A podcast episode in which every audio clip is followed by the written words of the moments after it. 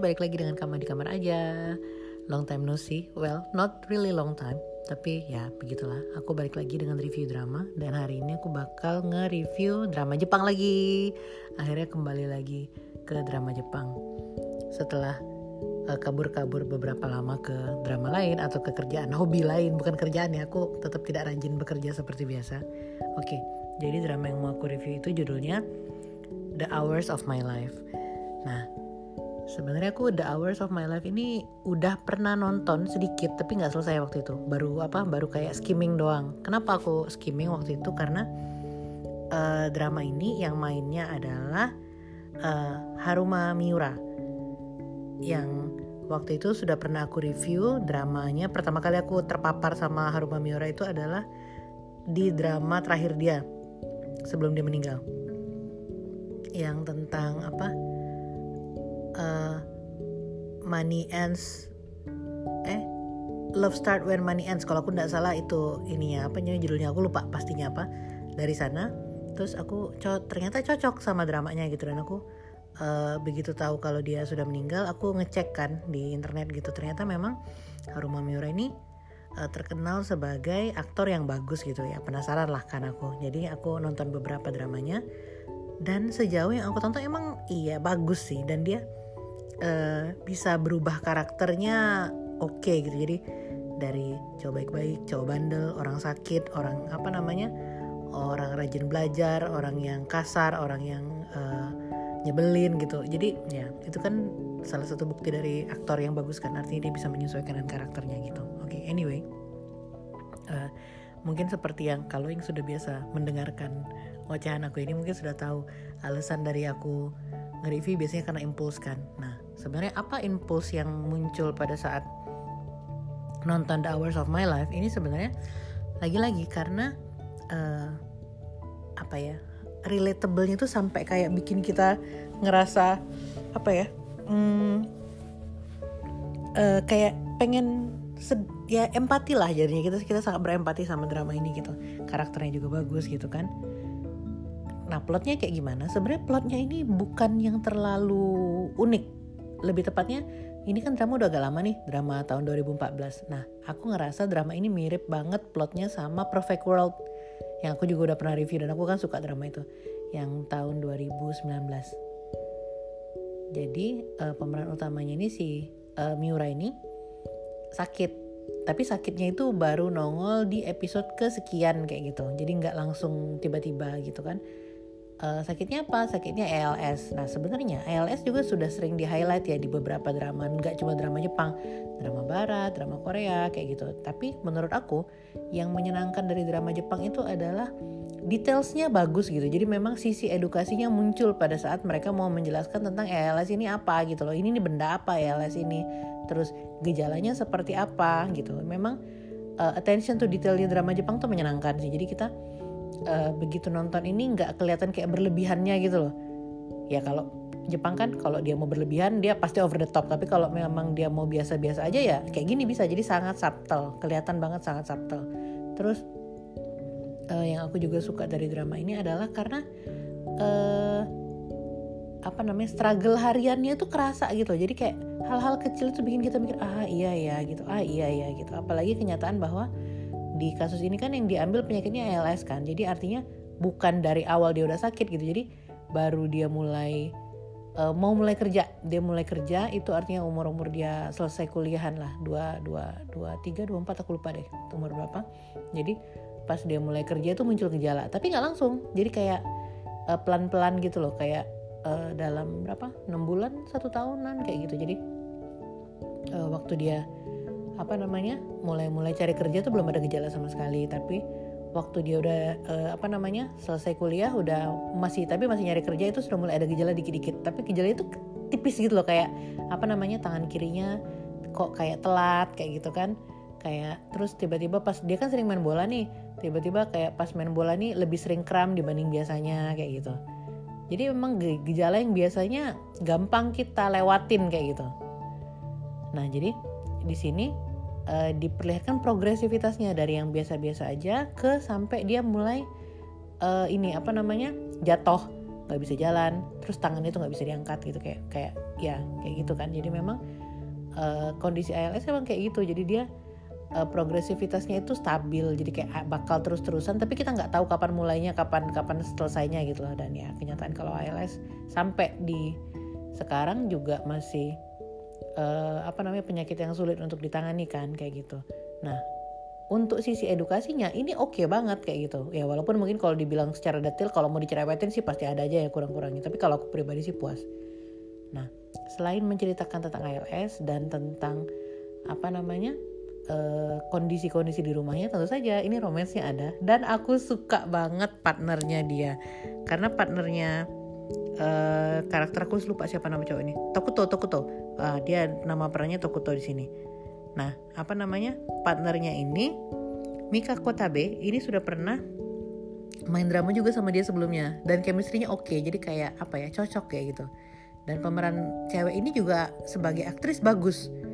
Jadi aku e, karena penasaran, aku juga cari drama dia yang lain gitu. Jadi dua ini pemeran utama apa? cowok cewek jadi dua-duanya bagus. Dan sebenarnya pemeran adiknya juga bagus. Jadi aku suka gimana drama ini bisa meng-highlight hal-hal pentingnya gitu jadi mulai dari si apa namanya permasalahan hidupnya si Tokuto itu sendiri terus penyakitnya Tokuto itu sendiri terus hubungan dia sama uh, Megu nama pacarnya Megu sama Megu terus gimana hubungan dia sama adiknya dan bagaimana kehidupan adiknya sendiri. Dan itu tuh nggak nggak rush gitu loh. Walaupun sebenarnya kan drama Jepang nggak terlalu panjang ya biasanya kan. Aku lupa ini 10 apa 11 11 episode gitu. Uh, tapi lengkap ada ada malah sejujurnya ada kesan penuh gitu loh gimana caranya drama yang nggak terlalu panjang ini bisa memberi kita kesan penuh lebih daripada drama-drama yang panjangnya bisa sampai 50 60 sampai kita pengen skip skip skip kayak gitu loh. Ya mungkin itu ya, mungkin karena uh, compact dan tapi rasanya tuh nggak dipaksain, nggak buru-buru gitu.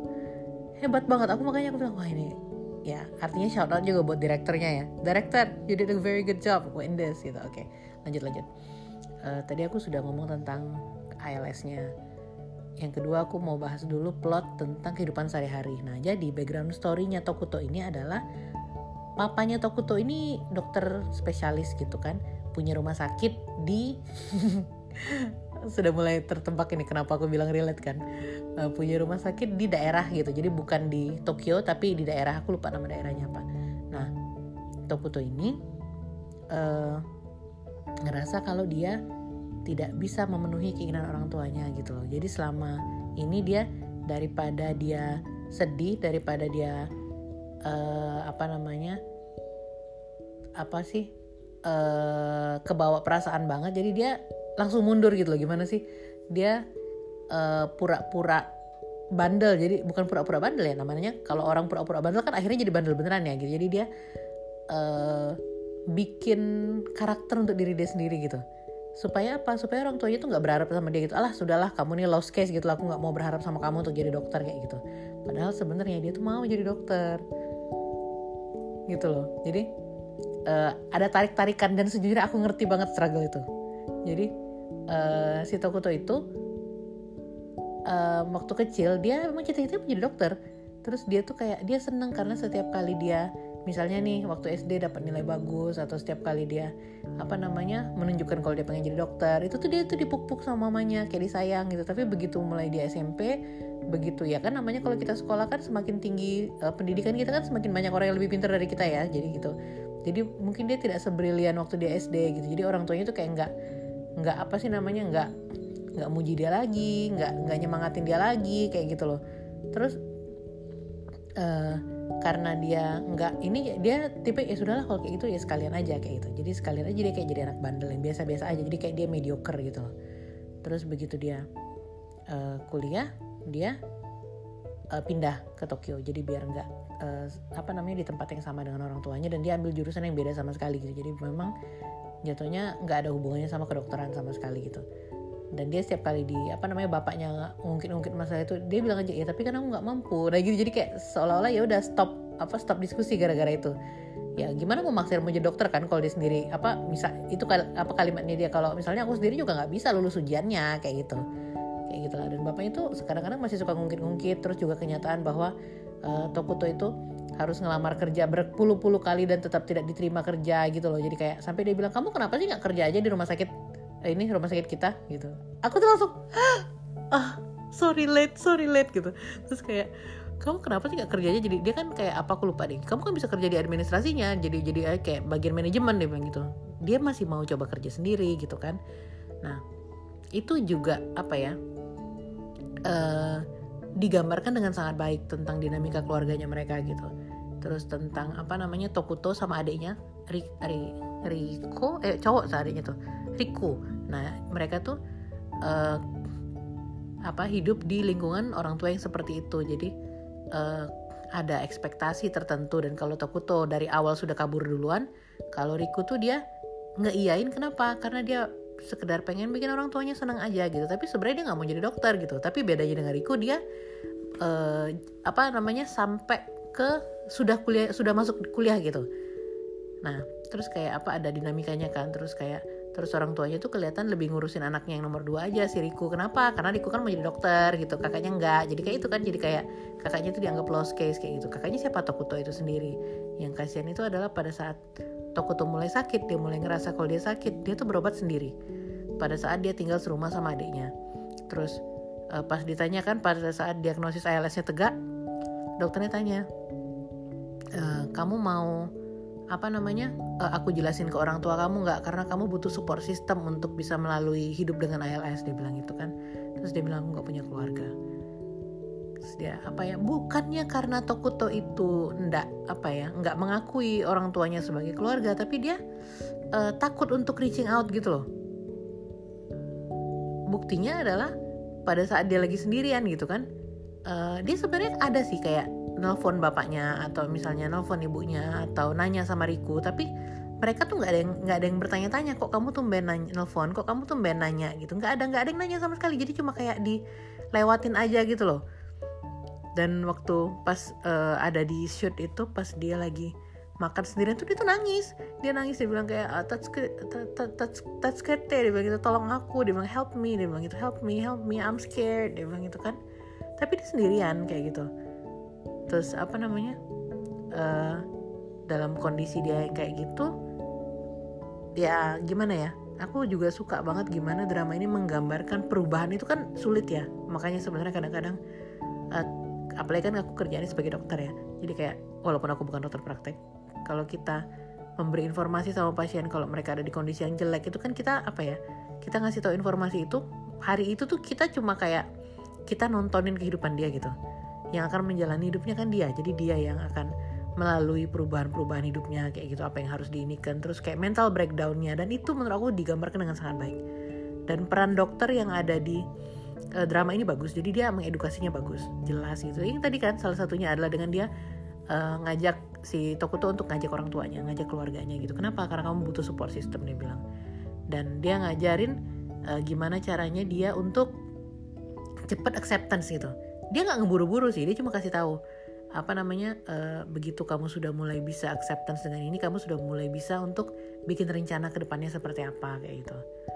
Ya karena kan juga uh, sistem uh, asuransi kesehatannya Jepang kan bagus ya jadi itu ada supportnya semuanya gitu. Tapi memang ya mental dia juga harus disiapin kayak gitu. Dan yang aku juga apa ya benar-benar terenyuh gitu kan kenyataan bahwa uh, salah satu yang perlu disiapkan dari orang yang awalnya sehat kayak orang biasa terus akhirnya sakit itu adalah kesiapan kalau kita nggak bisa apa-apa. Kesiapan bahwa hidup kita hanya akan merepotkan orang lain. Kebayang nggak sih rasanya gimana gitu? Jadi kayak apa ya sempat sempat di toko tuh dia sempat ada rasa kayak ini aku kalau misalnya nggak ada gunanya nih mending aku mati aja dia bilang kayak gitu. Karena dia bener-bener secara fisik dia merasa bahwa dia nggak nggak guna gitu. Dia ngerepotin orang kayak gitu loh. Dia aku mau makan aja mau dibantuin orang. Aku mau apa namanya kamar mandi aja harus ada yang nolongin gitu. Aku nggak bisa kerja aku nggak bisa ini aku nggak bisa itu dia bilang gitu kan. Dia bener-bener mental breakdown waktu di hari di mana dia udah nggak bisa nulis lagi. Jadi pas dia kan uh, bikin jurnal gitu kan.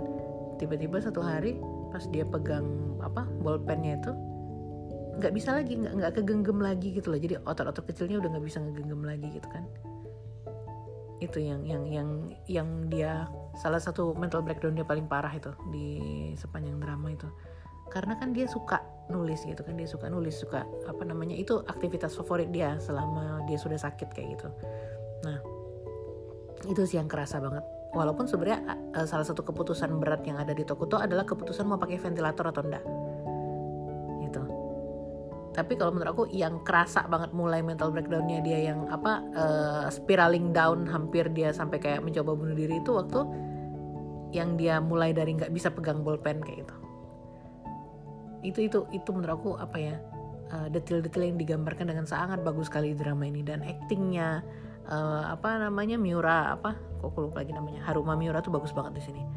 Gimana soalnya kalau dia bukan aktor yang baik itu nggak tergambar. Gitu loh nggak tergambar peralihan dari seneng ke biasa-biasa ke sedih ke ke depresnya terus kayak ke apa namanya ekspresi muka dia pada saat ngelihat orang tuanya gitu loh. Gimana sih? Uh, aku kan orang yang berada di uh, kondisi itu secara nyata ya. Coba pada saat aku ngelihat ekspresi mukanya aku tahu itu kayak kenal gitu kayak kayak kayak kenal ekspresi muka kayak gitu gitu. Terus kenal responnya seperti itu gitu. Jadi kayak ah, kayak ya terenyuh banget gitu loh pas pas kita uh, nontonnya gitu kan. Terus uh, tadi tentang apa namanya dinamika sehari-harinya dia juga. Terus yang terakhir tuh mungkin tentang aku mau bahas plotnya tentang romansnya. Jadi uh, Tokuto ini sebenarnya kan setting dasarnya kan orangnya baik. Cuma dia memang ngebikin karakter dia itu kayak cowok bandel cowok ya genit lah gitu kan gampangan gitu kan. Kenapa? Supaya orang nggak punya ekspektasi sama dia gitu uh, dia ini dari awal udah tertarik sama Megu karena mereka kayak beberapa kali uh, wawancara kerjaan bareng gitu loh Nah waktu itu soalnya Megu ini agak khawatir sama dia karena ya itu karena menurut cerita-cerita orang dia ini terkenalnya kayak cowok gampangan kayak gitu lah. Nah tapi akhirnya uh, ya karena kan mereka kontaknya intens ya dan akhirnya kelihatan bahwa Tokuto tuh aslinya nggak kayak gitu kok nggak kayak yang di di labelkan di kampus mereka kayak gitu. Akhirnya mereka uh, jadian. Uh, mereka sempat pacaran tapi nggak nggak lama kayaknya pacarannya. Uh, pacaran terus dan pacarannya pun nggak yang tiba-tiba langsung jadi gitu loh. Jadi prosesnya itu nggak nggak yang langsung jadi. Jadi kayak nanti kayak time skip dia sudah berapa bulan kerja terus baru ketemu lagi yang kayak gitu kayak gitu loh. Nah apa namanya itu juga menyenangkan. Kenyataan kalau mereka nggak nggak nggak langsung langsung gitu loh langsung ketemu langsung jadi. Terus langsung jadi langsung pacaran. Terus habis itu langsung berantem. Terus habis itu langsung putus. Enggak enggak kayak gitu. Walaupun memang digambarkan proses antara mereka dekat sampai mereka jadian itu cuma di dua episode kalau aku nggak salah. Tapi tidak terkesan terburu-buru dan timestampnya dibikin rapi gitu. Jadi banyak lengkapnya. Jadi jeda berapa bulan kemudian berapa bulan kemudian kayak gitu. Jadi nggak nggak yang kayak dibikin hari ini ketemu besok jadian besoknya lagi apa namanya sudah ketemu orang tua itu tuh nggak sama sekali kayak gitu. Jadi akhirnya mereka jadian. Jadi kayak sempat pacaran yang happy happynya itu kayak cuma berapa bulan kayak gitu sampai akhirnya uh, gejala ALS dia muncul yang yang lebih yang lebih parah gitu. Sebenarnya waktu dia pacaran pun itu uh, sempat cerita. Tapi dia ceritanya cuma ini tangan kiri aku lagi sakit nggak bisa diangkat dia bilang kayak gitu kan. Nggak bisa digerakin dia bilang uh, tapi kamu berobat kan? Kata kata apa? Kata megunya iya aku lagi berobat ini. Nah pada saat perburukan itu sempat ada periode di mana dia bahkan nggak bisa ngangkat tangannya untuk ngambil piring kayak gitu loh. Tapi sebenarnya uh, si Takuto ini bisa minta tolong. Mego aku boleh minta tolong nggak? Tangan kiri aku nggak bisa ngangkat nih dia bilang kayak gitu. Cuma dia belum menceritakan dengan jelas kondisi dia apa kalau perburukannya nanti bisa lebih parah atau kayak gimana. Nah dan pada saat uh, dia kayaknya kalau aku nggak salah jatuh sekali lagi atau kayak gimana waktu dia main bola gitu. Pada saat kondisinya udah agak jelek tapi dia masih bisa jalan posisinya waktu itu. Dia uh, ini apa namanya uh, nyamperin ibunya Megu. Mereka sebelumnya udah pernah ketemu sih jadi kayak udah pernah dikenalin gitu. Terus waktu itu sih positif positif aja nggak ada omongan apa apa gitu kan. Nah tapi beberapa saat setelah waktu dia konsul dia baru tahu kalau emang diagnosisnya udah tegak dan dia uh, apa namanya bingung gimana cara harus bilang sama Megu gitu. Karena antara dua antara kalau misalnya dia bilang dan Megu nggak bisa terima mereka putus. Terus dia bilang dan Megu bisa terima apakah dia uh, apa namanya nggak apa-apa menerima kenyataan bahwa pacarnya harus ngurusin dia seumur hidup kayak gitu. Nah jadi itu sebenarnya ya dua-duanya juga hal yang berat kan kayak gitu. Nah dia uh, nemuin mamanya Megu bukan untuk cerita tapi untuk ngobrol-ngobrol aja. Karena dia tahu bahwa bapaknya Megu itu juga meninggalnya cepat karena sakit gitu kan nah dari ngobrol-ngobrolnya itu ibunya tuh bilang kan dia nanya waktu bapaknya Megu sakit dia bilang kayak gitu. Ibu sebenarnya ada nggak sih sempat kepikiran bahwa mendingan nggak usah ketemu aja dari awal? Dia bilang gitu. Enggak katanya gitu. Aku sebenarnya bersyukur ketemu sama apa namanya uh, bapaknya Megu dia bilang. Terus dia juga bilang walaupun apa namanya uh, capek banget ngurusinnya tapi aku bahagia pada saat ngurusinnya. Nah sebenarnya kan itu jawabannya positif ya dari ibunya. Cuma uh, si Tokuto ini jadi khawatir. Gimana jadinya kalau Megu jadi harus uh, apa mengorbankan mimpi dia untuk ngurusin aku gitu loh. Dan dia mikir bahwa salah satu keputusan terbaiknya adalah dia yang mundur. Jadi keputusan dia adalah nggak kasih tahu Megu kalau dia sakit dan mereka putus itu jadi kayak ya kembali lagi si Tokuto acting jadi cowok brengsek gitu pura-pura dia bosen sama Megu terus diputusinnya lah si Megu itu kan. Nah uh, dan seniornya Tokuto tuh bilang kalau dia suka sama Megu juga dan dia mau ngejar Megu kayak gitu. Terus dia bilang oh iya nggak apa-apa kalau Shige senpai yang pacar sama uh, apa namanya pacaran sama Megu mungkin Megu lebih bahagia dia bilang kayak gitu kan. Jadi dia langsung menarik diri gitu loh seperti yang dia lakukan apa namanya di keluarganya juga kayak gitu kan. Ya daripada aku berusaha dan berakhir dengan gagal dan bikin orang tua aku kecewa sama aku mending dari awal mereka nggak usah ngarep apa apa sama aku. Kayak gitu jadi dia apa namanya uh, apa polanya dan itu berulang di relationshipnya dia sama Mego nah uh, setelah pokoknya beberapa episode gitu kan di, diperlihatkan bagaimana caranya si uh, Tokuto itu menjalani hidup dengan perburukan ALS-nya. Jadi waktu dia putus sama Megu kan posisinya dia masih bisa jalan ya gitu kan masih biasa masih biasa aja. Nah, pas sudah uh, berapa tahun setelah itu aku lupa deh berapa tahun. tiga tahun? dua tahun aku lupa time time lapse-nya gitu kan lompatnya berapa tahun. Uh, Tokuto akhirnya harus pakai kursi roda. Terus uh, beberapa apa namanya uh, kayak tangan tangan atau kakinya tuh udah sulit sekali dipakai hampir nggak bisa dipakai gitu. Tapi memang dia masih bisa nulis kayak gitu. Dia masih bisa kerja tapi jarak jauh. Karena kan di Jepang juga ada semacam regulasi kan tentang apa namanya uh, ker, apa orang disable tuh tetap bisa dapat pekerjaan gitu. Dan mereka tetap uh, bisa diberikan apa uh, kewajib apa pekerjaan-pekerjaan yang masih memungkinkan untuk mereka kerja. Jadi tidak tidak dipecat kayak gitu. Jadi emang ada regulasinya juga dan perusahaan juga uh, wajib mengakomodasi itu.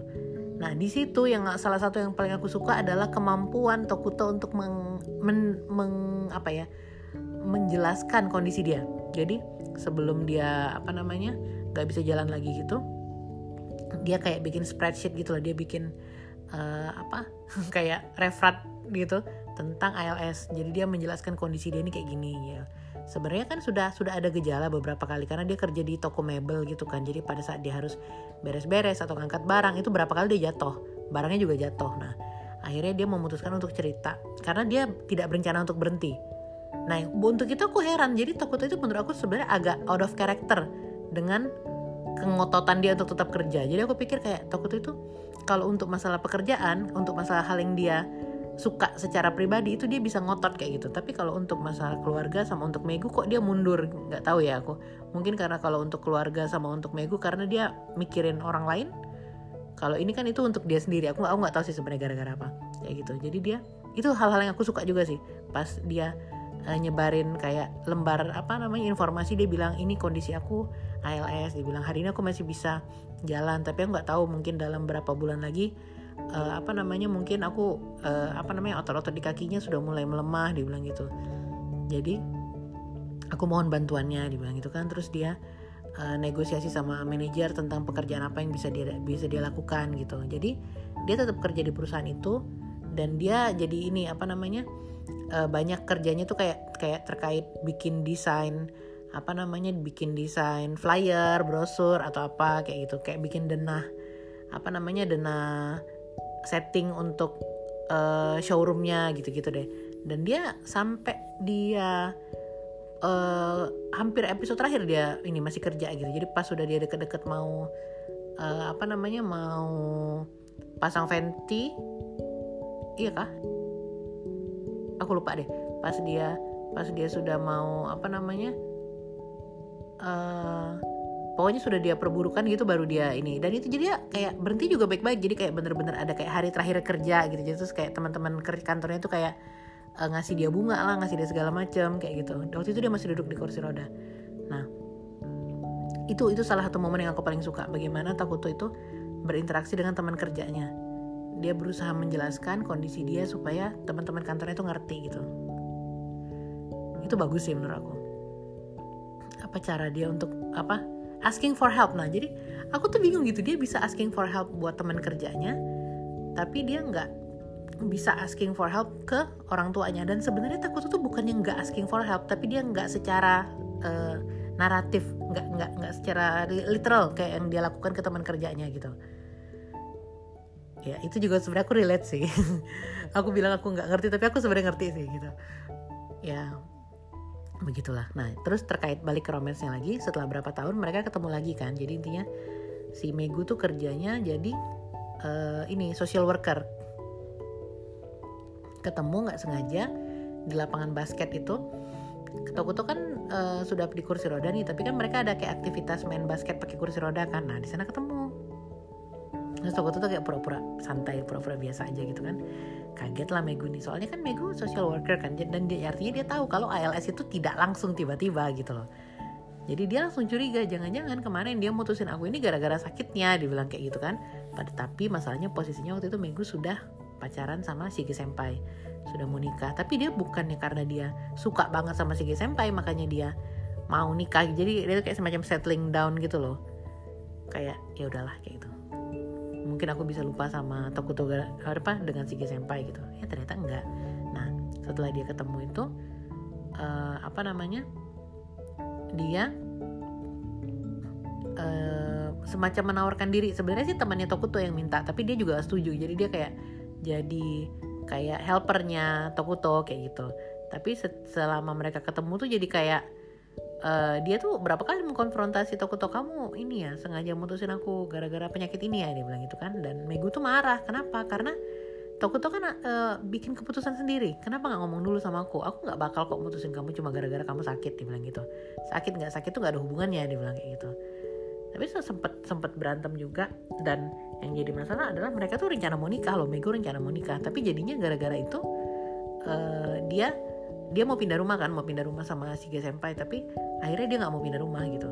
Dan waktu itu Megu nggak bilang ke Tokuto kalau dia nggak jadi pindah rumah. Sampai akhirnya ibunya Megu sama si Senpai yang bilang kalau Megu nggak pulang. Apa nggak jadi mau tinggal tinggal bareng kayak gitu. Dan awalnya ya Tokuto tuh masih nyuruh dia nggak apa-apa sama si Senpai aja. Terus dia sampai bilang kayak kalau nggak sama Toko aku nggak mau dia bilang gitu. Tapi kan cowok ya banyak. Cowok kan banyak di dunia ini tapi aku nggak mau dia bilang kayak jadi kayak apa ya tarik tarikan lah masalah itu. Tapi akhirnya ya lagi-lagi long story short karena ini happy ending ujungnya uh, mereka akhirnya balikan lagi kayak gitu kan. Balikan lagi dan mereka kayak ngatur gimana mekanismenya supaya uh, Megu bisa sering apa namanya bantuin ngurusinnya apa ngurusin Tokuto juga tapi dia tetap bisa ngerjain pekerjaannya juga gitu Nah, pas sudah di ujung-ujung itu ya yang aku senangnya juga intensitasnya tuh nggak nggak hilang gitu loh. Kadang-kadang kan kalau misalnya sudah mendekati ujung tuh kayak kayak apa ya kayak sudah indah semua itu tuh nggak tetap. Jadi tetap ada tetap ada keputusan-keputusan besar yang harus diambil kayak gitu. Ini aku cerita baru cerita tentang dua karakternya loh. Aku belum cerita tentang karakter adiknya tapi itu kayaknya gak usah dibahas lah karena sudah terlalu panjang. Nanti kalian tonton sendiri aja. Karakter adiknya juga seru soalnya. Jadi uh, apa ya itu yang aku suka tuh itu. Jadi memang intensitasnya tuh nggak nggak berkurang cuma karena episodenya mendekati akhir kayak gitu. Itu sih yang aku suka. Dan pesan-pesannya bagus sekali kayak gitu. Terus ada kata-kata uh, aku takut untuk mati tapi aku juga takut untuk hidup dia bilang itu kenapa? Karena yang tadi aku bilang pas awal-awal apa kenyataan bahwa dengan dia sakit ini dia uh, ngerepotin orang banyak kayak gitu loh.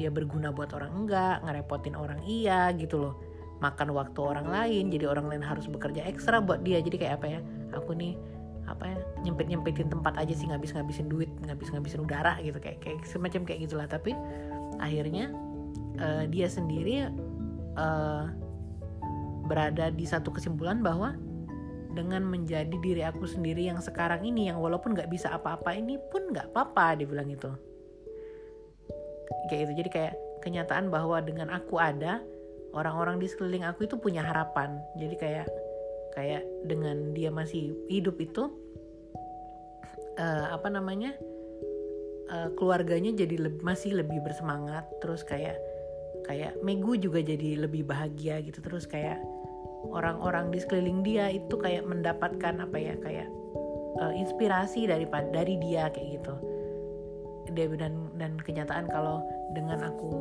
tetap hidup dan apa namanya dan tetap menjadi aku yang kayak gini ini masih bisa bermanfaat jadi kan in a way itu kan bermanfaat buat orang lain gitu. Jadi dia sangat bersyukur kalau karena ternyata dia bisa bermanfaat buat orang lain di sisi itu. Tapi menurut aku bisa berada di kesimpulan itu tuh luar biasa banget sih.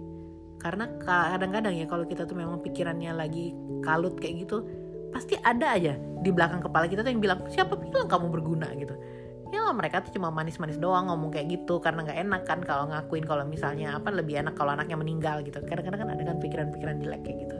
Ya aku sebenarnya salut sih. Aku tuh bisa berada di kesimpulan itu gitu.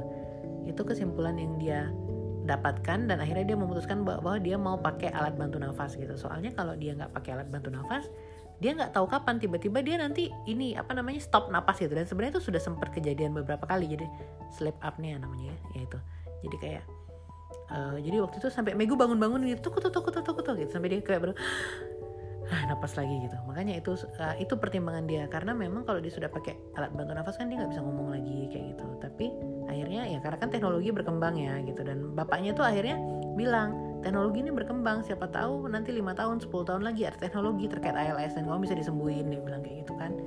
Nah jadi waktu itu uh, semangat itulah yang akhirnya ngebikin dia memutuskan bahwa oke okay, aku mau pakai alat bantu nafas kayak gitu. Nah jadi uh, apa namanya itu ending di ujungnya. Aku bener-bener full spoiler ya gini ya. Cuma nggak bisa sih soalnya aku sangat apa ya seneng banget. Jadi kayak every point of this drama is beautiful. Jadi dari awal sampai ujung tuh segitu menyenangkannya gitu dan segitu segitu berguna berguna bener-bener jadi kayak yang apa kata-kata orang drama tuh juga bisa mendapatkan apa namanya memberikan kita ilmu memberikan kita apa namanya bener-bener point of view yang berbeda. Itu dapat di sini.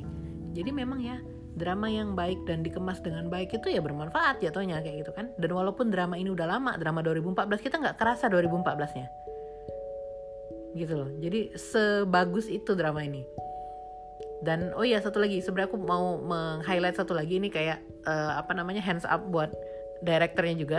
Jadi kan karena judul dramanya kan The Hours of My Life ya. Jadi begitu dari episode 1 itu begitu drama ini apa namanya jalan terus setiap kali si Tokuto itu keluar gejala itu ada ada bunyi kayak jam bergerak.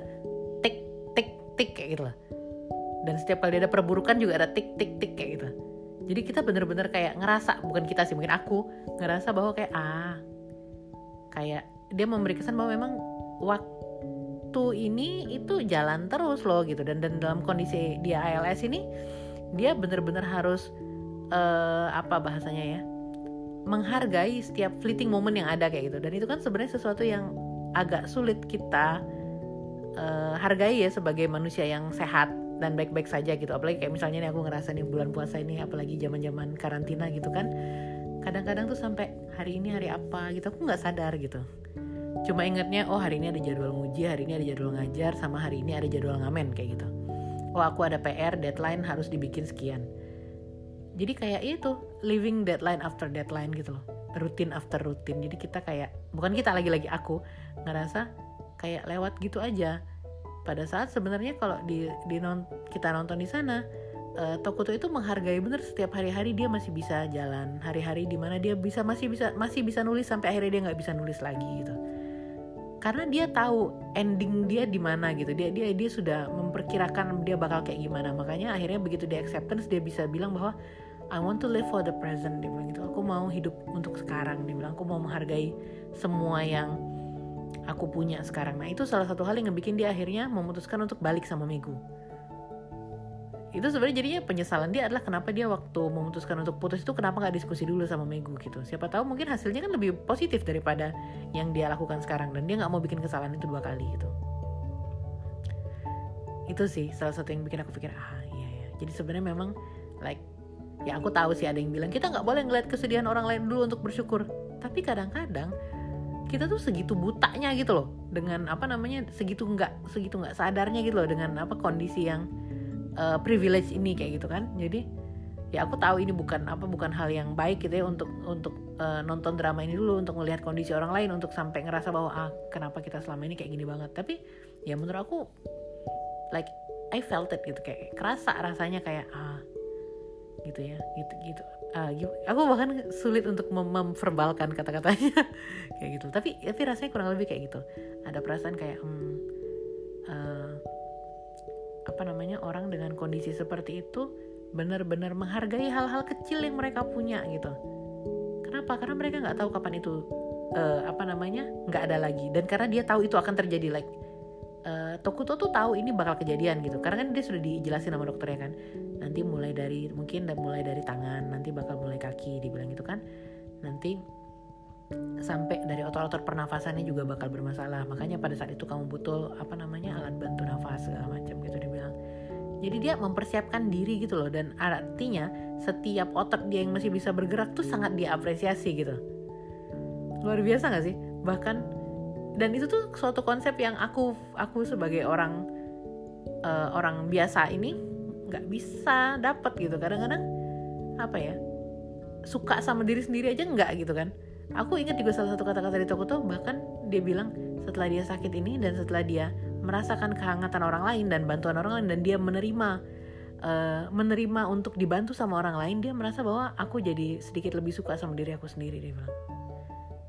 Karena sebenarnya kan membuka diri untuk ditolong itu kan bukan hal yang terlalu gampang juga ya gitu kan apalagi kalau kita yang ngerasa bahwa uh, kita nggak mau ngerepotin orang kita nggak mau nyusahin orang like we don't deserve to be happy we don't deserve to be helped gitu. Ngapain sih nolongin aku?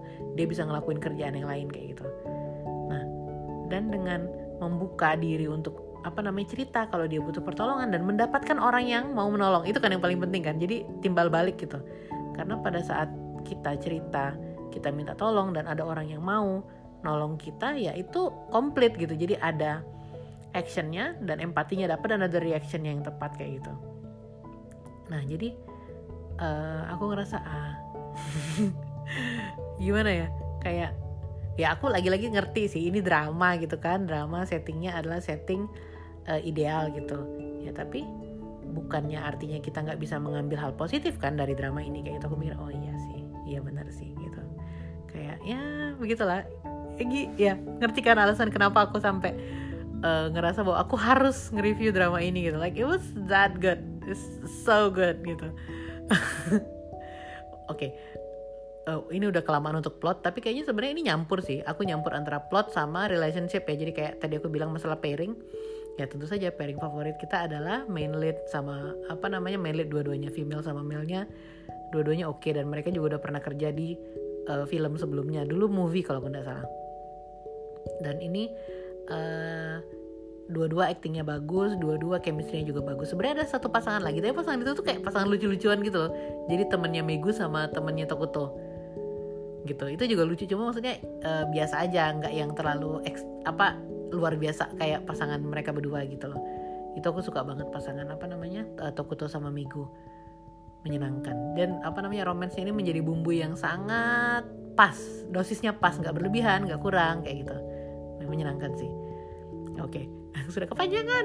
Sekarang kita nilai ya. Kalau untuk aku aku kasih nilai ini 9 dan yang salah satu paling salut adalah kenyataan kalau drama ini tahun 2014 tapi aku nggak kerasain 2014 kecuali kenyataan bahwa uh, Haruma Miura sudah nggak ada lagi di dunia ini. Haruma Miura rest in peace. Like you did a very good job.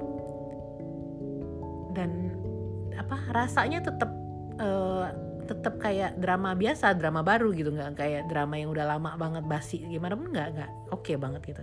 Dan untuk rekomendasi untuk teman-teman yang lagi pengen senang-senang mungkin aku tidak bisa terlalu merekomendasiin tapi kalau teman-teman yang lagi perlu drama yang apa ya healing drama gitu kan drama yang menenangkan jiwa atau apa ini aku kasih nilai 9 aku rekomen untuk ini ditonton.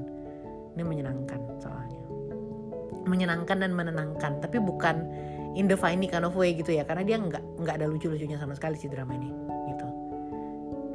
Mungkin segitu aja uh, rekomendasi dan review aku hari ini. Ini termasuk detail sih aku ngejelasin plotnya. I cannot help it I'm so excited it's so good. Gitulah kira-kira. Oke okay. sampai ketemu di kamar di kamar aja berikutnya dengan review drama yang lain lagi. Nggak tahu drama apa tentu saja. Kalau impulsnya nongol aku bakal review lagi seperti biasa. Oke okay. sekali lagi sampai ketemu di kamar di kamar aja berikutnya. Dadah